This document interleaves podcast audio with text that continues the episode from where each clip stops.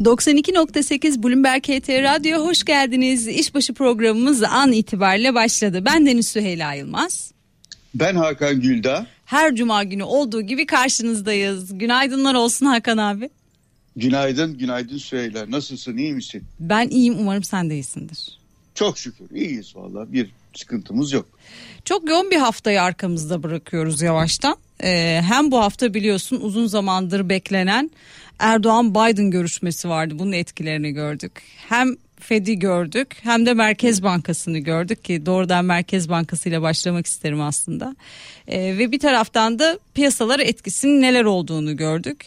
Ee, faiz kararı efendim tahminlerin doğrultusunda sabit bırakıldı. Evet. Fakat evet. burada bir değişiklik var. Önceki metinde hatırlarsan karar metninde e, bize mevcut duruşun korunacağı söylenmişti. Fakat artık bunun sıkı duruşun korunacağı şekline çevrildiğini görüyoruz. E, haliyle iş dünyasının acaba konuyla ilgili görüşü nedir? Bu da merak edilenler arasında. Sadece piyasaların, ekonomistlerin değil. Çünkü faiz oranının reel ekonomiye nasıl yansıyacağı, sektörlerin e, bu noktada ne kadar e, kendini idame ettirebileceği de konuşuluyor. Burada gözüme çarpan mesajlardan biri de e, büyüme büyümede kaygımız var diyor. Ee, hmm. Özilhan, Tuncay Özilhan baktığımızda manşetinizde görüyoruz. Fakat e, ayrıca sitede öne çıkardığınız başka bir manşet daha var Hakan abi. Orada da faiz oranlarından bahsediyor kendisi e, ve biraz daha buna katlanılması gerektiğiyle ilgili aslında bu minvalde 3 aşağı 5 yukarı kendisinin açıklamaları var. Tüm bunlara evet. geçeceğiz. Kim neler söyledi, görüşler nedir bunlardan bahsedeceğiz. E, ama senden bir değerlendirmeni isteyeyim. Faizle ilgili, kararla ilgili sen ne düşünüyorsun? E, kararda sürpriz yok. Yani zaten beklenen oldu. Hı hı. E, muhtemelen bu sıkı e, duruş meselesi ki yani şu anda e, bir kısım e, diyelim bazı ekonomistler ve bazı iş insanları da hı hı. E, yani şu anda sıkı bir duruş olduğunu düşünmüyor. Yani hı hı. diyorlar ki ya aslında bu işte kurların bugün geldiği noktalar riskleri filan göze aldığımız zaman bunun daha e, yukarıya doğru faizin çıkması lazım aslında. Enflasyonla mücadele edilecekse faizin yukarıya çıkması lazım diyorlar. Bu çoğunluk mudur, azınlık mıdır orasını bilemiyorum. Öyle bir elimde veri yok ama e, sonuç itibariyle böyle düşünenler var. İşte dün karardan sonra da atılan tweetlerden de yapılan açıklamalardan da mesela bizim e, Erhan Aslanoğlu hoca yani riskleri görseydi daha iyi olurdu hı hı. E, diyor yani adımıyla bunu yapsa daha iyi olurdu diyor. Ama e, mesela Hakan Kara'nın e, bir şeyine eski Merkez Bankası Başkanı e, şey e, baş ekonomisti e, onun bir e, yorumuna rastladım. Yani bu, hani yani bu da sıkı duruş sayılmaz gibilerinden diyeyim yani mealen çünkü çok detaylarına girmeyeyim. Hı hı. E, bir şey var yaklaşım var. E, bir bunu söyleyebiliriz ama sıkı duruşun bir parça ben bundan da e, ifade edildiğini hani mevcut duruma çevrilmişti biliyorsun çünkü bu bir e, bir toplantı öncesinde hı hı. mevcut durum olmuştu. E, sonrasında e, zannediyorum bunda hem bu son gelişmeler enflasyondaki hafif düşüşe rağmen hı hı. kurların yüksek seyri, yurt dışındaki gelişmeler ve tabii Fed'in bir önceki akşam e, yaptığı e, yani verdiği karar işte 2023'e kadar ikiye çıkarmış olması o bir sürpriz yaptı. Yani piyasaları biraz e, şaşırttı diyelim. E, bilmiyorum piyasalar da biliyorsun geçen sefer de konuşmuştuk. Evet. Böyle şaşırmaya, çok değişik şeylere çok meyilliler. Yani aşırı bir meyilliler. E, yani hatta işte dedik ya ne oldu da bu şimdi birdenbire bir toz pembe gözlükler taktı piyasalar? E, böyle her yer e, yükseliyor evet. borsalar yükseliyor. Madem en, enflasyon e, hikayesine inanmıyorlar bir müddet önce inanıyorlardı şimdi nasıl olsa bunlar ne tapering yapabilir yani e, varlık alımlarını azaltır ne faiz arttırımına gider filan diye konuşup duruyorlardı e, neye buna inanmışlardı? İşte burada herhalde gene e, biz de biliyorsun hı hı. E, iz, dinleyenlerimizle birlikte ince ince hesaplara girmiştik. Evet. Yani e, zenginin malı, varlığı, züğürdün çenesini yorar misali böyle enflasyonun acaba iç enflasyon mu dış enflasyon mu çekirdek enflasyon mu oradan mı kaynaklandı filan onu mu gördüler de böyle hareket ettiler filan derken e, bu, bu hafta bambaşka bir tabloyla karşı karşıya kaldık. Aa filan oldular. Niye o, oldular onu da gene çok anlamak mümkün değil. Onun için hani sürpriz mi? Evet sürpriz çünkü e, 2023'e kadar hani bir ancak 2023'te bir filan derken şimdi iki demeye başladı. E, piyasa ki yani işte akla mantığa aykırı değil. E, bu sefer 2022'de de faiz arttırımı olabilir. Hatta bu iki arttırım da 2022'de olabilir gibi bir beklenti içine girdi. Zannediyorum ki bazı yorumları da bu yönde yine okudum. Fed'in bu e, tavrı, bu sürprizi, bu faiz arttırımının e, gelebileceği sinyali e, bizim Merkez Bankamızın da bu sıkı duruşu ki sen onu ifade ettin. Bir de onun yanına kararlılığı da ekleyelim. Evet. Çünkü kararlı sıkı duruşumuzu sürdüreceğiz diyor. Ee, herhalde onu da metne bu şekilde eklenmesine neden oldu. Bilmiyorum çok karikatürize mi ettim böyle sanki olayları hafife alıyor gibi bir Yo. şekilde de aktarmış olabilirim. Öyle değil ama e, sonuçta e, eylemler daha önemli. Hı hı. Yani e, mutlaka bunların üzerine her seferinde bol bol konuşuyoruz, detaylara giriyoruz. E, her bir adımı apayrı şekillerde yorumluyoruz ama biraz sakin kalarak çünkü ekonomilerin durumu belli. Yani bizde enflasyonun durumu belli. Hı hı. Muhtemelen Haziran ayında Haziran enflasyonu Mayıs'ın üzerinde gelecek. Evet. E şimdi biz bunu bile bile zaten Merkez Bankamızın normal olarak faizleri indirmesi beklememiz doğru olmazdı. Evet. Öyle bir beklenti de fazla yoktu. Peki. Ya da göre göre diyelim hani böyle e, e, Fed'in tavrını, Janet Yellen'ın tavrını oradan da bir yavaş yavaş konuşuyorduk hep beraber. Aha. Bir alıştırmanın gelmesini beklememek olmazdı. Evet. Ama sürprizlerimiz oldu. Dediğin gibi yoğun bir hafta oldu kararlar evet. bakımından.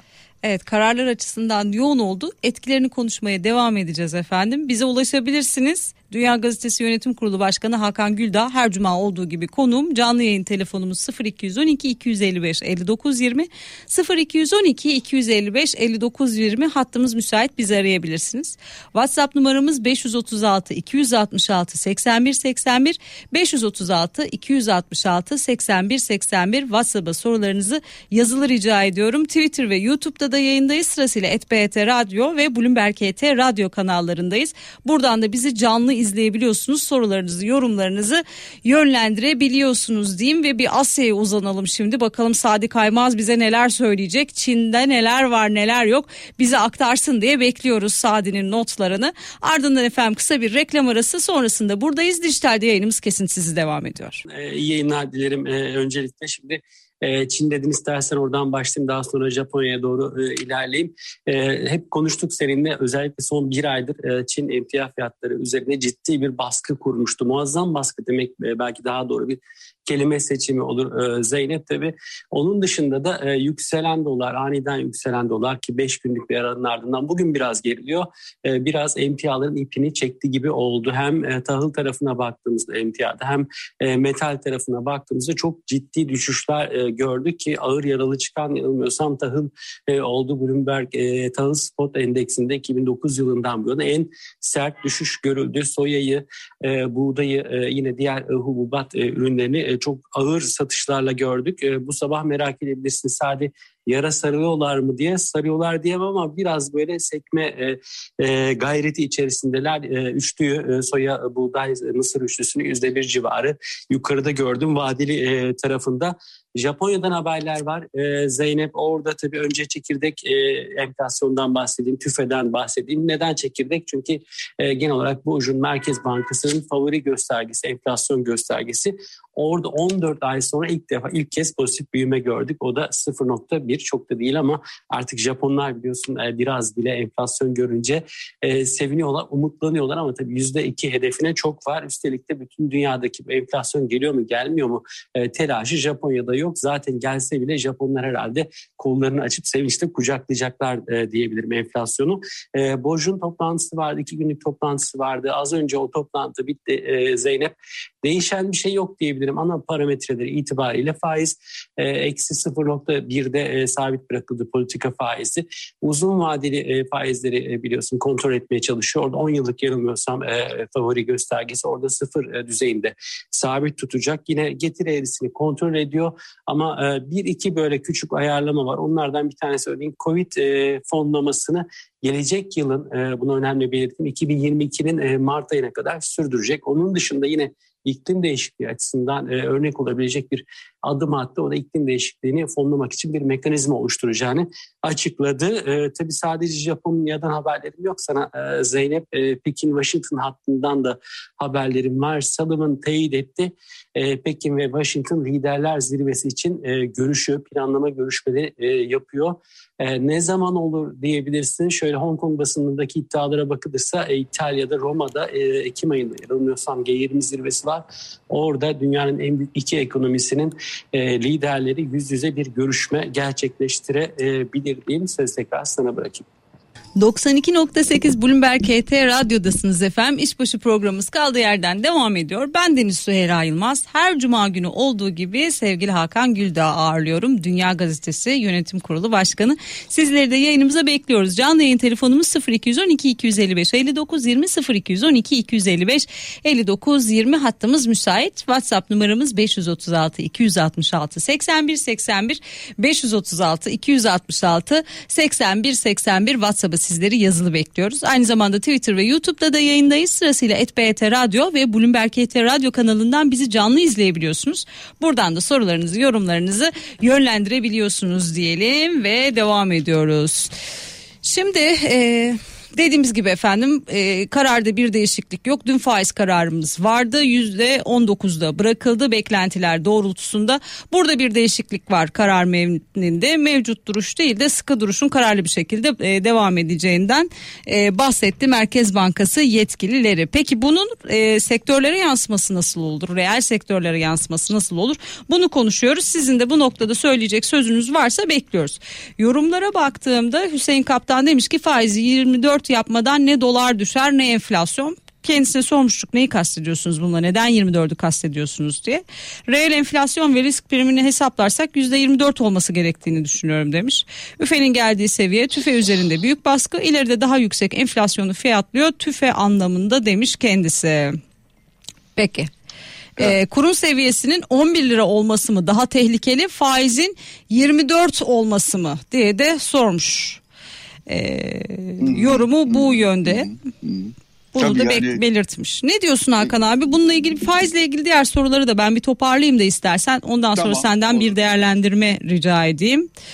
Ee, yüksek enflasyondan bahsediyorsunuz ve yazın bir faiz indirimi bekliyor musun acaba diye sormuş Barış Bey izleyicimiz. Ee, Türkiye faiz artıralım dövizi düşürelim dönemini ve bu fırsatı Naci Abal'ın döneminin bitişiyle kaçırmıştır demiş Aykut Bey. Ee, enflasyonla mücadele etmek için üretim artışı ve etkin maliyet kontrolü yapılmalı ifadesini kullanmış. Ve diğer taraftan bahsetmiştik TÜSİAD Yüksek İstişare Kurulu Başkanı Tuncay Özilhan'ın da açıklamaları vardı ve kendisi diyordu ki para politikasında sıkıla devam etmemiz gerekebilir ifadesini kullandı. Enflasyonla mücadele için para politikasında bu sıkılın devam etmesi gerektiğini bir süre daha bunun böyle gitmesi gerektiğini e, bahsetti kendisi. E, geleceğe dönük yapılan hesaplar tutmuyor. Yüklü kredi borçlarının geri ödenme zorlukları iş insanlarını düşündürüyor da dedi Özilhan. Enflasyon TL'nin eriyen değeri ve tüm bunların sonucu olarak yüksek faizlerden dertli olduğunu da ayrıca ifade etti. Bunu da belirtmiş olalım. Özilhan'ın açıklamaları bu minvardı.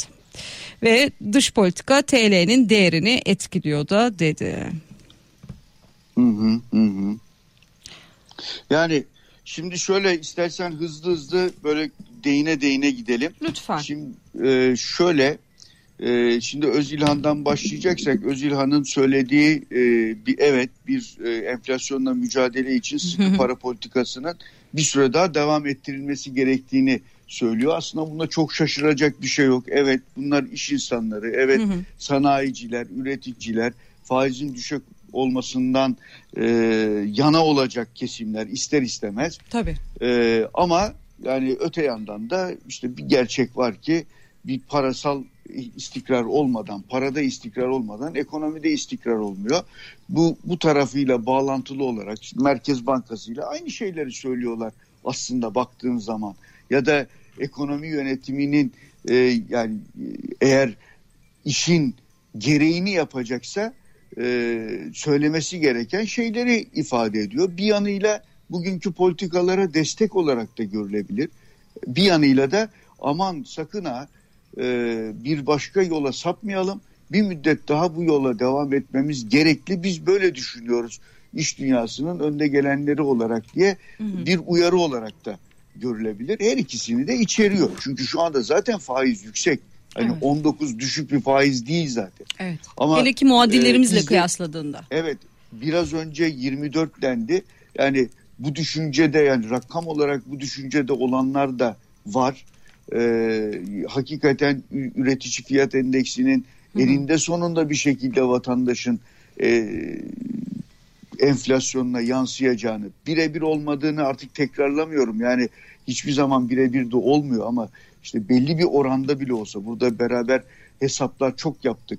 Hani üçte bir oranında bile yansısa bunun 20'lerin üzerinde bir enflasyona işaret ettiğini ifade ettik. Hani ne zaman olur, nasıl olur orasını göreceğiz. Yani önümüzdeki dönemdeki gelişmelere bakacağız ama kurların bugünkü yüksekliği bütün bunlar dikkate alındığında tabii e, işte bir Covid döneminden çıkıyoruz. Biraz e, piyasaların canlanması durumunda e, yavaş yavaş bir müddet sonra e, zam, maaşlara da ta, talepler olacak. Çünkü geçim maliyeti çok yükseldi. Evet. İnsanlar her zaman bunu ifade ediyorlar. İşte e, detaylandırmaya gerek bile görmüyorum. Çünkü bizi dinleyenlerin bu işleri zaten çok iyi bildiğini evet. mesajlarından hepsinin anlıyoruz. Evet. Ama e, yani şu fikrimi de söyleyeyim. Şu anda hiçbir şekilde Merkez Bankası böyle 20'ye 19'un üstüne falan çıkartmaz. Çok çok zorunlu kalmadıkça. Hı hı. Çünkü politik olarak bundan yana değil. Enflasyonu da işte öyle işte böyle buralarda tutuyorlar. Bizim verdiğimiz e, yani içeride verdiğimiz reel faizin e, yüksek olmadığını herkes biliyor zaten. E, ama bu aynı zamanda bizim e, kredi alanlar açısından da işte 22'ler, 23'ler, kimileri için 24'ler e, geçerli. Hı hı. E, bu kredi faizlerini alanlar da enflasyonun kendi taraflarına baktıkları zaman aslında e, düşük enflasyonun altında kaldığını düşünüyorlar. Yani hı onun için de yani Türkiye'de çünkü e, bu e, hesaplar faiz maliyet hesapları kısmen yapılıyor. Esas olarak paraya erişim, finansmana erişim önemli. O parayı alıp devam etmek önemli ve birçok iş insanına göre ben bugün eminim birçok iş insanı yani küçükler de dahil buna hı hı. E, hatta daha çok ağırlıklı olarak onlar ben o kredileri alırım yeter ki erişeyim ben işimi yaparım o parayı da kazanırım yaklaşımı da var. Biz burada ne kadar ya bununla ne iş yapacaksın da bu parayı kazanacaksın diye sorarız ama buna inanan ve böyle olacağını düşünen ve kısmen de haklı çıkan e, ya yani kısmen dememden kimileri de bunda haklı da çıkıyorlar. Hı hı. E, çünkü bakıyoruz mesela sanayi odasının e, açıklamasında da re, reel e, reel olarak karlar ne durumda? Karlar epey yüksek. Hiç öyle düşük falan değil.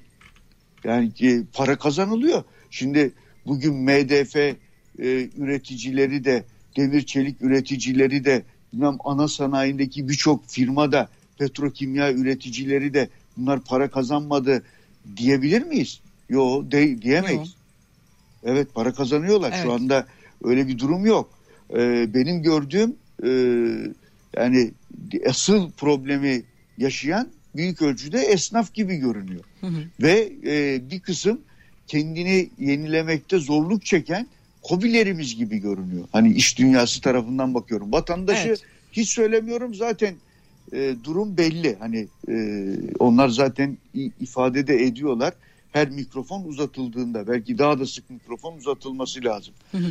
E, vatandaş eziliyor. Orada bir e, şey yok ki Tuncay Özilhan da e, bunu söylüyor. Yüksek İstişare Kurulu Başkanı TÜSİAD'ın bunu ifade ediyor. Onun ifade ettiği yani ben bir kere faizi yükseltebileceğini düşünmüyorum. Politik olarak bu e, Merkez Bankası'nın bugünkü durumu açısından son derece zor. Hani bunu söylemek doğru bir şey mi, yanlış bir şey mi? Valla onu Merkez Bankası'nın esas olarak o politikayı ortaya koyması lazım. Gerekiyorsa önden e, har- hareket etmesi lazım. Aynen biraz önce e, ifade edildiği gibi Naci Aval bunu yaptı. Hı hı. Ama sonunda da e, sonuçta da bir, bir sonuçta var ortada. Naci evet. Aval da bugün yönetmiyor Merkez Bankası'nı. Hı hı. Yani bunların hepimiz farkındayız. Ben yaz aylarında da bir indirim beklemiyorum hı hı. E, faizde. Eylül-Ekim'den önce olma ihtimali bana pek e, mümkün görünmüyor. Biraz önce söylediğim enflasyon e, nedeniyle de görünmüyor. Koşullar nedeniyle de çünkü e, yurt dışında da hava değişmeye başladı. Gelişmekte olan ülkelerin hafif aleyhine olabilecek. Yani dolar her şey karşısında biraz güçlenmeye başladı bu evet. e, yaklaşımla birlikte. Bir de bunu e, söyleyelim. Tunca Özilhan'a gelince e, işte sıkı para politikası tarafını söyledik. E, onun nedeni belli. Hani parasal istikrar olmadan ekonomik istikrar olmuyor diye buna da inandıkları için ifade ettikleri için böyle söylüyorlar.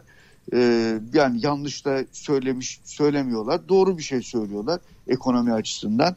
Ee, şimdi özellikle gelişmiş ekonomilerin e, hızlı büyüme sürecine girdiğine de dikkat çekiyor say, Sayın Özilhan. Ee, ve diyor ki biz burada biraz negatif ayrışıyoruz diyor. Mesela bu tarafı benim de daha fazla ilgimi çekiyor. Ee, yani paranın sıkılaştırılmasını onun da söylemesi hem bir destek hem bir uyarı kabul edilebilir ama asıl büyümeyle ilgili e, hepimizin dertleri var. E, yani çünkü e, o büyümelerin şu anda yaşadığımız büyümelerin biz istihdam yaratmayan, refah yaratmayan bir düzeyde olduğunu biliyoruz. Biraz hı hı. da geçen senenin ister istemez baz etkisiyle de bu rakamlara gelindiğini biliyoruz. Onun için büyüme tarafı önemli ve negatif ayrışıyor olduğumuzu söylemesi tam da e, hani 7 e, yüzde yedi büyüdüğümüzü açıkladığımız ilk çeyrekte ve ikinci çeyrekte de e, 15 veya belki üstünde bir büyümenin geleceğini e, beklediğimiz bir süreçte önemli. Bu, bu uyarıyı ben daha önemli görüyorum. E, çünkü hani e, demek ki önümüzdeki e, bu yarı yılda, önümüzdeki yarı yılda e, ve devamında Türkiye'de üretim kabiliyetinin zayıfladığına dair bir takım öngörüleri var ki özellikle e, geleceğe ne diyor? Mesela geleceğe dönük yapılan hesaplar tutmuyor diyor. Hı hı. Yüklü kredi borçlarının geri ödenme zorlukları iş insanlarını düşündürüyor diyor. Yani doğru düşündürüyor. Çok insan düşündürüyor. Ee, yüksek dolaylı vergiler hayat pahalılığına neden sebep oluyor. Ağır vergiler vatandaşı eziyor. Ee, fakirleşmesine sebep oluyor diyor. Bunlar da bildiğimiz gerçekler. Yani e, doğru şeyleri ifade etmiş Özil Hanım. Çok çok detaylandırdığımızda birçok izleyenimizin zaten katıldığı evet. konuları e, ifade ettiğini söyleyebiliriz. Dediğin gibi dış politikanın etkilerine vurgu yapıyor ki e, o tarafını da bence e, yine konuşmakta fayda, fayda var. Vergilerle e, yani finanse edilen harcamalardan harcamalar doğrudan insana hizmet etmeyen yatırımlar yapılırsa bu sıkıntılar yaratabilir diyor ki hı hı. biz de burada defa eten hani böyle e, biraz akıl dışı gibi ya da e, müsrif e, sayılabilecek e, doğrudan gelir getirmeye e, Türkiye'nin üretim kapasitesini arttırmaya dönük olmayan yatırımların sıkıntılar yaratabildiğini, yarattığını defalarca konuştuk zaten. Bunlara dikkat çekiyor. Tabii hukuk dışı e, meselelerin e, yani bu karanlık ilişkiler ağına dikkat çekiyor ki bunu da hep beraber yaşıyoruz zaten. Yani gündemdeki konulara e, TÜSİAD kendi cephesinden e, Tuncay Özilhan'ın Yüksek İstişare Kurulu Başkanı'nın ağzından Hı. değinmiş. Benim e, baktığım zaman hani katılamadığım pek bir şey yok burada. E, evet. E, Peki şimdi kurumsallaşma kurumsallaşmaya evet. da değinmiş o da önemli. Hepsi evet. önemli. Evet. Kaslovski'nin de açıklamaları işte bu minvalde TÜSİAD'dan gelen açıklamaları baktığımızda en kritik sorun kurumsuzlaşma diyor kendisi evet. de. Evet. Türkiye ekonomisinin bugün karşı karşıya olduğu en kritik sorun kurumsuz, e, kurumsuzlaşma. Her geçen gün kurumlardaki bu erişin nedenli ciddi hasar verdiğini daha iyi görüyoruz diyor.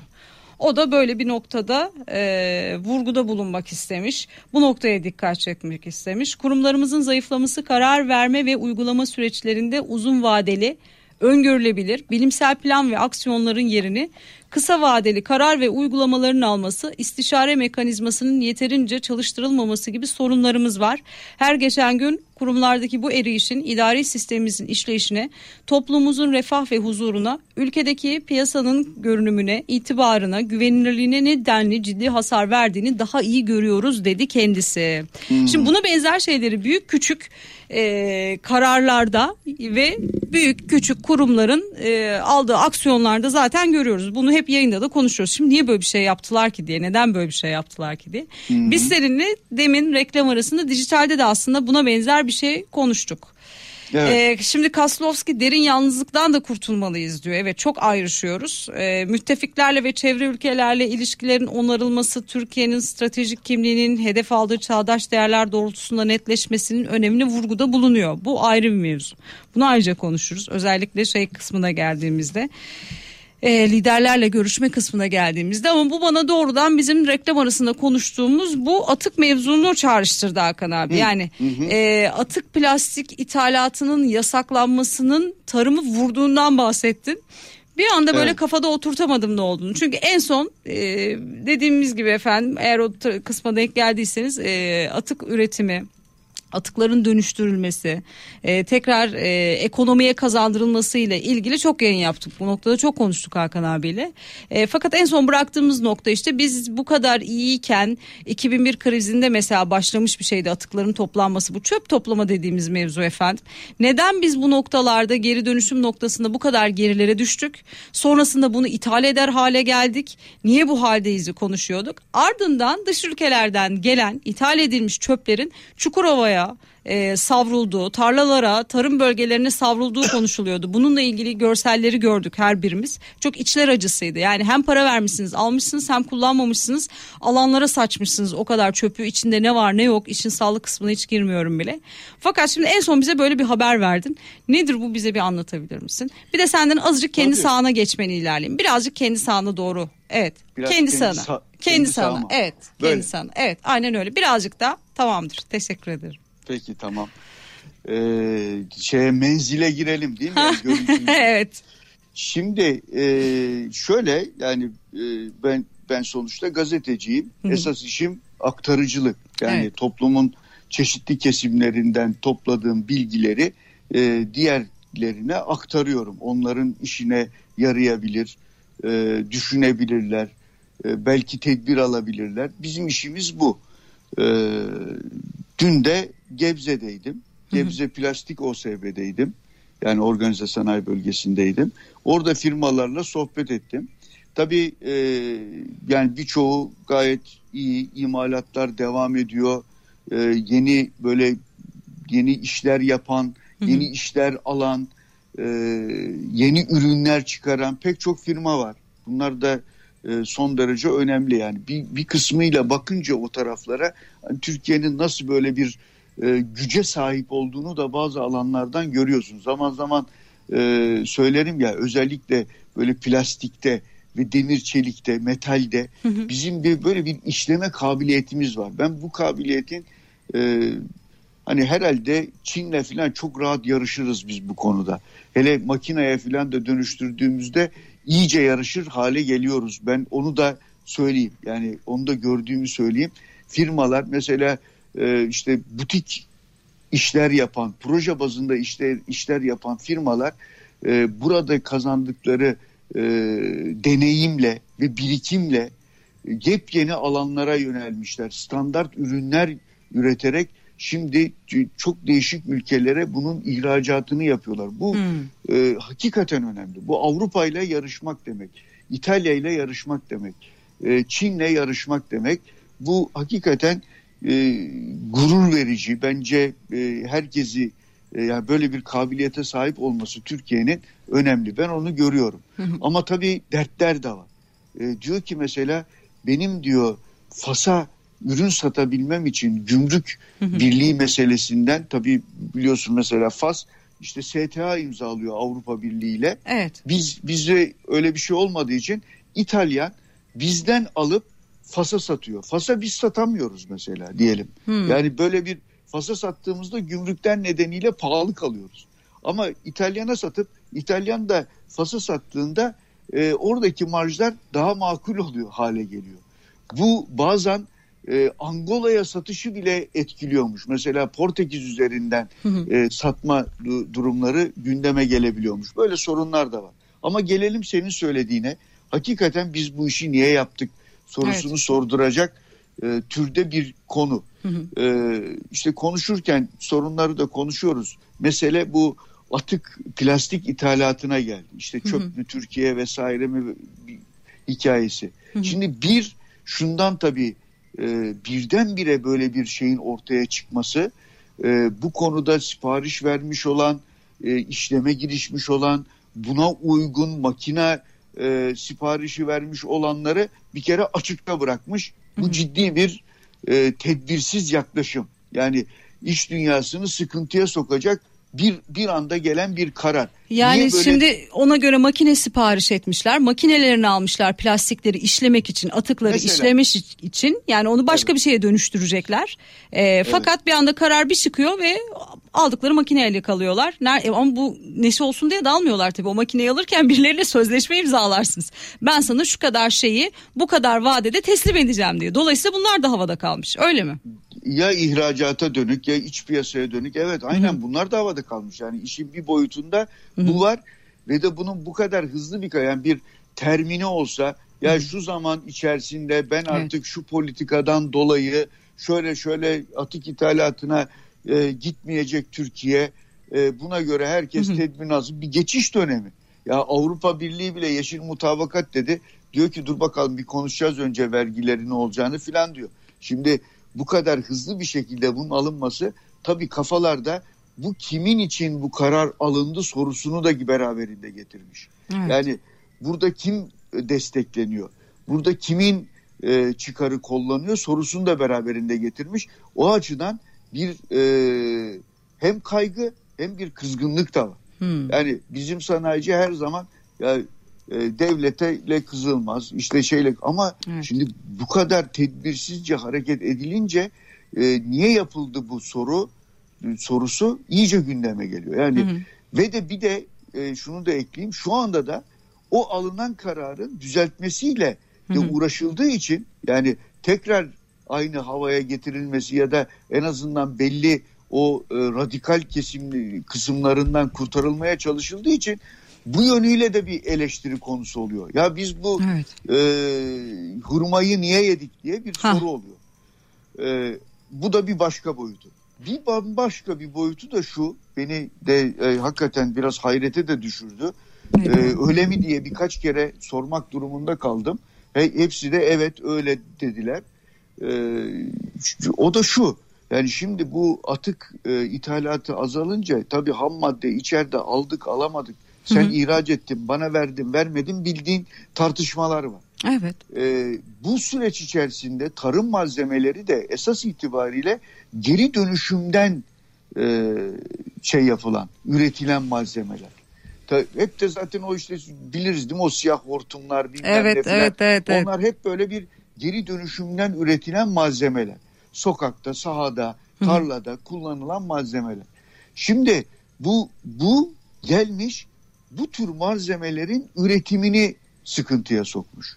Üretimini sıkıntıya sokunca hmm. zaten biliyorsun 50'den fazla ilde şu anda 51 il oldu. Bir iki hafta önce 41 ildi bu. Biz Hı-hı. de bunu yakından takip ediyoruz. Evet yayında da konuşmuştuk. Cid, evet ciddi kuraklık var. Şimdi o 41 demiştik ya o 51 oldu. Hı. Ciddi bir kuraklık var.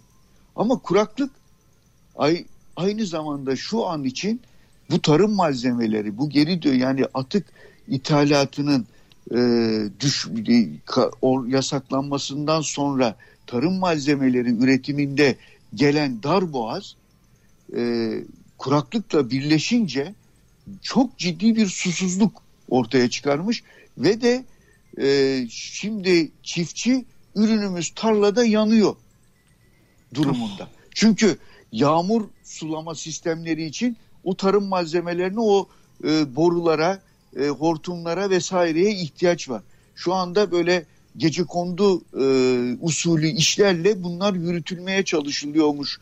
Bir, hı hı. ikincisi İran'dan, el altından ya da e, bir şekilde işte diyelim bu tür malzemeler gelmeye başlamış. İthalat hmm. diyemiyorum. İthalat diyemiyorum çünkü şey kayıtlı değil. Kaydı değil. Evet, kaydı, kaydı değil. yok. Ama ihtiyaç var. Ne yapacak? Hı hı. Bir şekilde oradan buradan temin etmeye çalışıyor. Yani orada aldığımız bir kalan bir karar yani hı hı. bu hani e, aynen matematikçi Lorenz e, Lorenz eğrisi Lorenzo eğrisi diye bir şey vardır ya hı hı. yani şeyde e, o onun e, şeyi olan etkisi. E, yani bir Brezilya Amazon ormanlarında çarpan bir kelebeğin kanat çırpan evet. bir kelebeğin Teksas'ta hortuma neden olması gibi hani olur mu? Yani işte oluyor. Evet. Hakikaten orada aldığımız bir karar bilmiyorum kimi desteklemek için ya da ne için aldığımız bir karar şu anda düzeltilmesine evet. uğraşılıyormuş. Çünkü plastikçiler de gidip Ankara'da dertlerini anlatmaya çalışıyorlar. Hı hı. Ee, gelmiş tarımı zaten kuraklıkla tam da öyle bir zamanda oldu ki bu iş diyorlar. Hı hı. Böyle mükemmel fırtına. Evet. Yani e, bir yanda kuraklık bir yanda şimdi var olan depolardan ya da kanallardan da aktarılıp çünkü hı hı. hala yüzde doksanı Türkiye'de maalesef e, yani birçok yerde seralarda tabii damla sulamaya falan geçildi ama yani geniş alanlarda şimdi tam böyle e, tarımın e, hani işte ürünün ortaya çıkıp büyümesini ve toplanma zamanına geldik. Hasat zamanına geldik. E, tam bu zamanda gelen bu malzemesizlik e, ciddi bir susuzluk sorununa yol açmış vaziyette. E, bunu da anlattılar. Ben de paylaşayım istedim. Hı hı. E, Onların dertlerini evet. konuşuyorduk. Evet yani o zaman da bakıyorum hani başlangıçta biraz böyle ya işte sıkı demiş, kararlılık demiş, duruş demiş, o, o FED onu demiş. Ya burada öyle bir şey oluyor ki senin enflasyonun ki işte bir puan enflasyon 100 milyar lira demek. Yani evet. baktığın zaman. E, şimdi bir yanıyla sen enflasyonu engellemeye çalışıyorsun. Faizler bu halde ama öyle bir karar alıyorsun ki tarımı vuruyorsun. Tarımı vurduğun e, noktada senin gıda fiyatlarının nereye gideceği belki belli değil. İşte Mısır'da yaşadık şimdi belki e, o e, Çin'in bakır meselesine falan da değiniriz. Hani e, tarımda e, tarımsal emtiyada da yaşıyoruz şimdi Mısır'da da mesela ciddi bir spekülasyon var. Evet. Bizim e, ayrıca Ali Ekber Yıldırım yazdı. E, yem sanayicisi bu sefer mısır bilmem diğer şeyler pahalanınca geldi buğday almaya başladı. Hı hı. Buğday alınca un sanayicisi e, sıkıntıya girmeye başladı. Un sanayicileriyle yem sanayicileri şu anda ciddi bir kavga içerisindeler. Evet. E, şeyde de e, Bloomberg KT ekranlarına da yansıdı. Yani oradan hı hı. da takip ediyorum. Bizim Ali Ekber Yıldırım da Dünya Gazetesi'nde e, konuyu gündeme getirdi. Hakikaten e, çok ciddi bir sorun.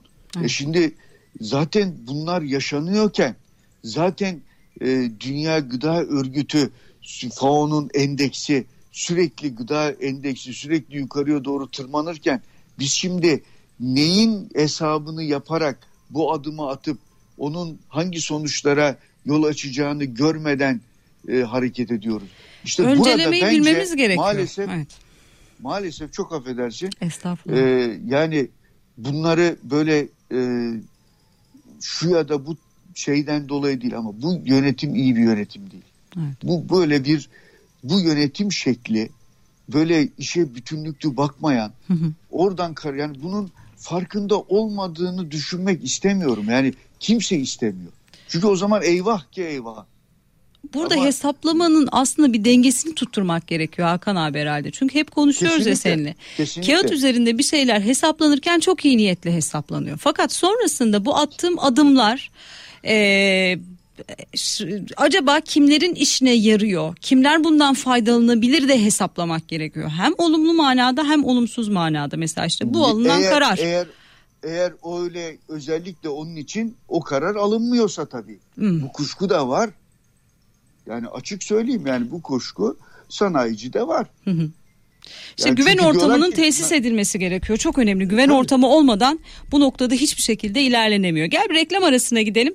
Ee, arada e, efendim dijitalden gelen sorularımız vardı. Onları yönlendireceğim Hakan Güldağ. Kısa bir ara. 92.8 Bloomberg HT Radyo'dasınız. Dünya Gazetesi Yönetim Kurulu Başkanı Hakan Güldağ'la yayınımızın son kısmındayız. Çok az vaktimiz kaldı. Biz yayın arasında altını da konuşmuş olduk.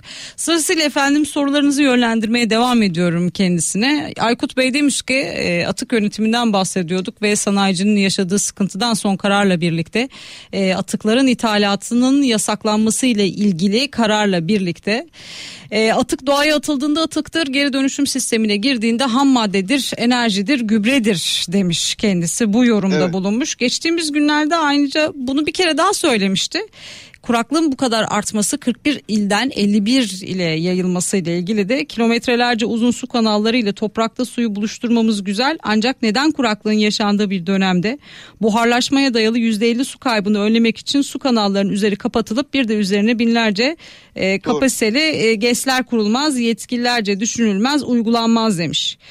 %50 ee, su kaybını önlemek demek kuraklığı ve su açığı sorununu yaşamamak üretim artışı sağlamak demektir demiş kendisi bu yorumda bulunmuş konuyla alakalı. Yani şey tabii e, hakikaten bu zamanın ruhuna da ters bir durum. Evet. Yani atık e, meselesi atık diye bir şey hani çöplük çöp ithal ediyoruz ya ne yapıyoruz peki? Yani bir de onu sormak lazım. Hı hı. Çünkü artık bu al kullan at doğrusal e, iş modelinden e, giderek döngüsel bir iş modeline gidiyoruz. Yani kullan, yeniden kullan, paylaş E, diye ifade özetlenebilecek bir iş modeline doğru gidiş var. Yani artık komşu komşunun külüne muhtaç. Evet. Yani onu alıyor öbür tarafta yakıyor. Sıfır atığa doğru gidilmeye çalışılan bir ortamda hakikaten bunlar işte büyük soru işaretleri. Hı. Aykut Bey'e de o açıdan teşekkür ediyoruz. Bu işin bu cephesi de var. Gerçekten bu cephesi de var. Yani sadece uygulamanın birinin işine yarayıp yaramaması ve bizi bir anda açıkta bırakıp orada alınan bir tedbirsizce ya da e, bir art niyetli kararın ne nasıl yorumlarsanız yorumlayın gidip tarımı vurmasının ötesinde de bazı e, zihniyet problemlerini taşıdığını görmek gerekiyor. Hı hı. Evet kendisinin burada başka bir yorumu da daha var bununla alakalı. Türkiye çözümlerin olduğu ancak çözümsüzlüğün yaşandığı, sorunların çözümünde doğru adımların bilindiği ve ısrarla yapılmadığı bir ülke konumunda demiş kendisi. Diğer taraftan TL'yi de konuşuyor izleyicilerimiz kendi aralarında.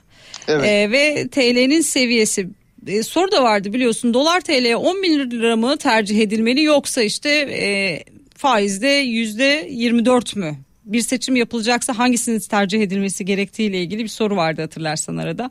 Konuşurken yani 40 kaldı. Mı, 40 satır evet 40 katır mı 40 satır mı özetle dediğin gibi. Yani, e, yani çok değişik e, yani şu anda 11 bin lirayı tercih edebilecek hiçbir durumumuz yok.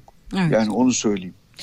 E, kendi aralarında konuştuğu konulardan biri de izleyicilerimiz biz neden dolara geçmiyoruz diye hatta euroya geçebilir miyiz diye konuşuyorlar ve e, hatta şey de söylemişler e, kanun hükmünde kararname ile TL bırakılıp dolara geçilebilir mi diye sormuşlar. Şimdi bir para birimini değiştirmek bu kadar kolay mı ve diyelim ki çok kolay biz buna da karar verdik bizim karar vermemizle bu iş oluyor mu? Hadi diyelim Olmaz. ki onunla da oluyor. E, sonrasında ne olur peki? Valla e, yani bu apayrı bir e, şey konusu, program konusu. yani, o kadar yani vaktimiz şöyle, yok diyorsun. Yani, o kadar vaktimiz olduğunu düşünmüyorum ama evet. e, zaten hani böyle bir şey şu anda e, hiçbir geçerliliği de yok. Yani maalesef ama biz kendi hayatımızda bunu zaten bir şekilde şeye de geçirmişiz. 256 milyar dolarlık e, mevduat yatıyor mu bankalarda yatmıyor mu? Evet. Biz bir takım ihaleleri devlet dahil dolarla yapıyor muyuz yapmıyor muyuz? Yani dolar euro fark etmiyor ama şu anda en çok e, ifade edilen dolar. Peki. Ama dünyada da dolar. E zaten bir şekilde biz iki paralı olmuşuz. Yani çift hı hı. paramız var maalesef. Zaten var. Hani bir şekilde geçmişiz. Niye Türk lirasını biz bu kadar savunmasız bırakalım? E, Türk lirasını öyle de zaten özellikle bizim bir işimize yaramayacaksa Euro'ya ya da bilmem nereye niye geçelim? Salvador muyuz biz yani? Ee, şey kripto parayla filan ülkeyi yönetelim. Gayet güzel, şerefli. Kripto parayla. bir paramız var yani. Peki Hakan abi. liramız var. Bilmiyorum bana e, çok şey gelmiyor. E, hatta bunları konuşmak bile bazen ağır geliyor. Peki. Ama hayatın gerçekleri bir şey diyemiyorsun. Yani bir kere düşünce böyle. Hı hı. Düşünce işlemeye başlıyor ondan sonra şüphe kurdu Öyle. insan içine düştükten sonra. Peki çok teşekkür ediyorum sana. Radyo dinleyicilerimize de teşekkür ederim. Radyodan yavaştan gidiyoruz efendim. Dijitalde çok az sorularınız kaldı. Bunun için sevgili Hakan Güldağ'dan 1-2 dakika daha rica edeceğim. Gelmek isterseniz ETBT Radyo ve Bloomberg HT Radyo kanalına YouTube'da sizleri beklerim.